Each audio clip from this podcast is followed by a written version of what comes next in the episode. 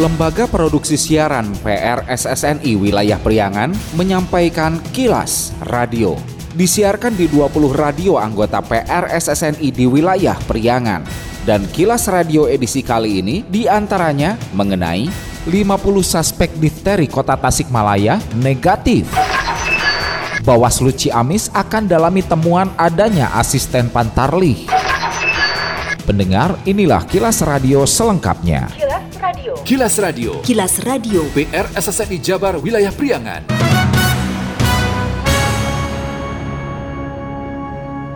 Kepala Dinas Kesehatan Kota Tasikmalaya Dr. Uus Supangat himbau masyarakat agar tetap berhati-hati dengan kasus difteri. Pasalnya di wilayahnya telah terdapat 50 orang pasien suspek diduga gejala difteri. Menurut Uus, pihaknya telah lakukan evaluasi dengan bekerja sama seluruh pelayanan kesehatan dan klinik serta telah melakukan pengambilan sampel dari 50 pasien yang diduga difteri ke Lakesdav Provinsi dan hasilnya semuanya negatif. Kendati temuannya negatif, Dinkes bekerja sama dengan pelayanan kesehatan kesehatan swasta maupun klinik swasta terus melakukan screening difteri. Kita kerjasama dengan seluruh klinik, seluruh praktek dokter mandiri, puskesmas dan rumah sakit. Apabila ada yang mencurigakan kasus difteri, maka harus melaporkan ke kita. Nah, alhamdulillah sudah kita tindak lanjuti semua dan sampelnya sudah kita kirim. Yang terakhir itu kurang lebih seminggu yang lalu ya. Dan alhamdulillah ini hasilnya dari yang suspek difteri ini hasilnya negatif. Dari mulai 2-3 bulan ke belakang.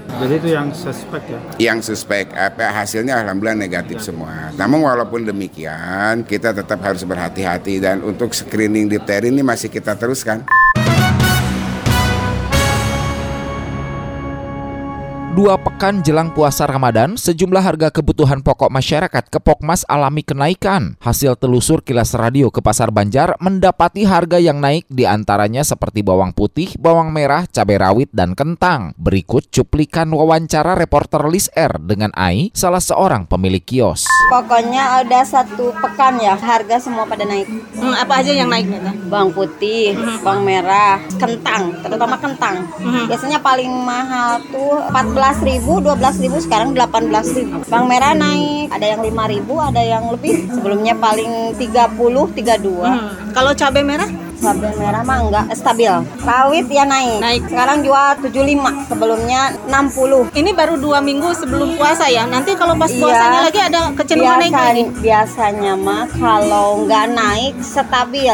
Tapi kalau yang waktu tahun kemarin mah ini malah murah. Tapi sekarang mah belum puasa juga udah mahal gitu, udah naik. Kendati harga bumbu sudah mulai alami kenaikan, harga daging ayam di Pasar Banjar masih stabil. Asep, seorang pedagang menyebut kenaikan biasanya terjadi sesaat pas jelang puasa. pasti naik Sekarang harganya. harga berapa ini? sekarang 26 Untuk pas hari puasanya sendiri bagaimana? Ada kenaikan lagi nggak biasanya? pasti naik Bisa ya sampai berapa? paling sekitaran sampai 30 Info Pemilu. Info Pemilu. Persembahan PR SSNI Jawa Barat.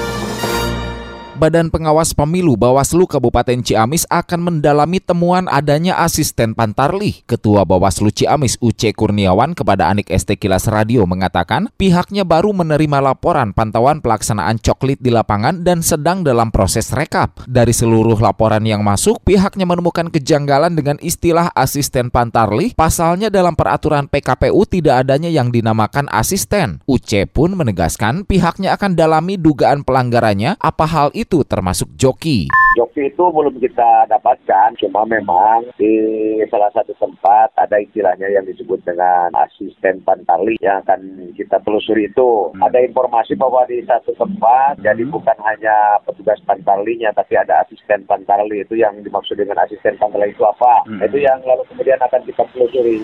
Kilas Radio. Kilas Radio. Kilas Radio. PR SSNI Jabar Wilayah Priangan. Bila Anda mendapatkan hal-hal atau peristiwa penting untuk diliput oleh tim Kilas Radio, hubungi hotline servis kami, SMS atau WA ke nomor 0813 2424 5911 0813 2424 5911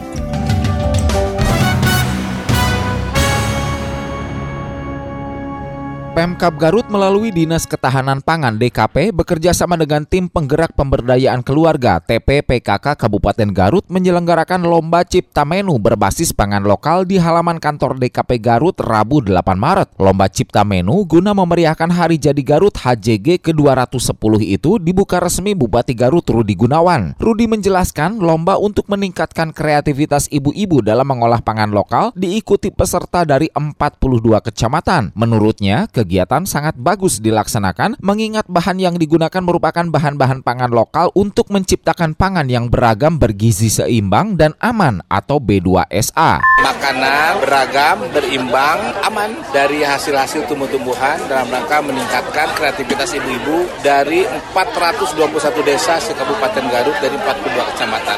Ayo kita jadikan sesuatu menjadi indah. Ini dihasilkan dari dari talas atau talis tapi diolah menjadi sedap dan aman dimakan. Bergizi dan berimbang.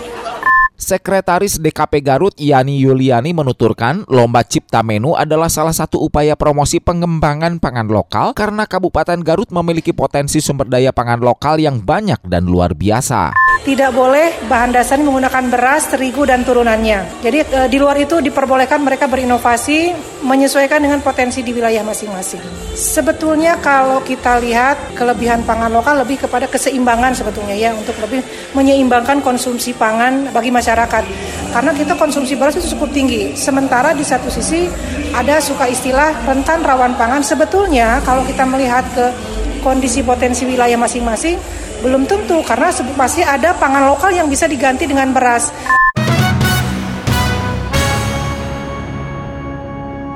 Direktorat Jenderal Dirjen Imigrasi menerapkan kebijakan pengurusan paspor bagi jemaah haji dan umroh yang tidak lagi mensyaratkan untuk melampirkan surat rekomendasi dari Kementerian Agama Kemenag. Kebijakan itu tertuang dalam surat edaran Dirjen Imigrasi tentang pelayanan penerbitan paspor Republik Indonesia bagi jemaah haji dan umroh per tanggal 22 Februari 2023 lalu. Menurut Kepala Seksi Teknologi Sistem Informasi Keimigrasian Kantor Imigrasi kelas 1 non-TPI Tasikmalaya Bagus Adi Aditya, dengan diberlakukannya surat edaran itu, masyarakat yang hendak mengurus paspor haji dan umroh dipastikan akan semakin mudah. Bagus menyebut kini masyarakat yang hendak mengurus paspor haji dan umroh di Priangan Timur seperti di Kabupaten Kota Tasikmalaya, Garut, Banjar, Ciamis, dan Pangandaran bisa langsung ke kantor imigrasi Tasikmalaya tanpa surat rekomendasi Kemenag. Ini tentunya memudahkan masyarakat luas yang ingin melakukan atau melaksanakan ibadah haji umroh ke tanah suci. Jadi mereka yang mau mau berangkat tidak lagi dipersulit dengan harus meminta atau ke kantor Kemenak ya meminta rekom untuk pengurusan paspornya. Jadi uh, berdasarkan surat edaran ini jadi calon jemaah haji atau umroh itu tidak perlu lagi ke Kemenak langsung datang ke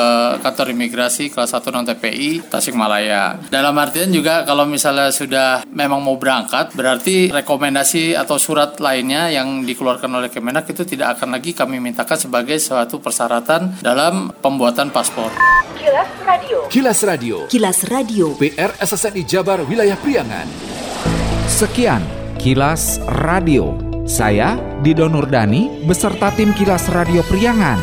Salam PRSSNI. Kilas, Kilas. Radio.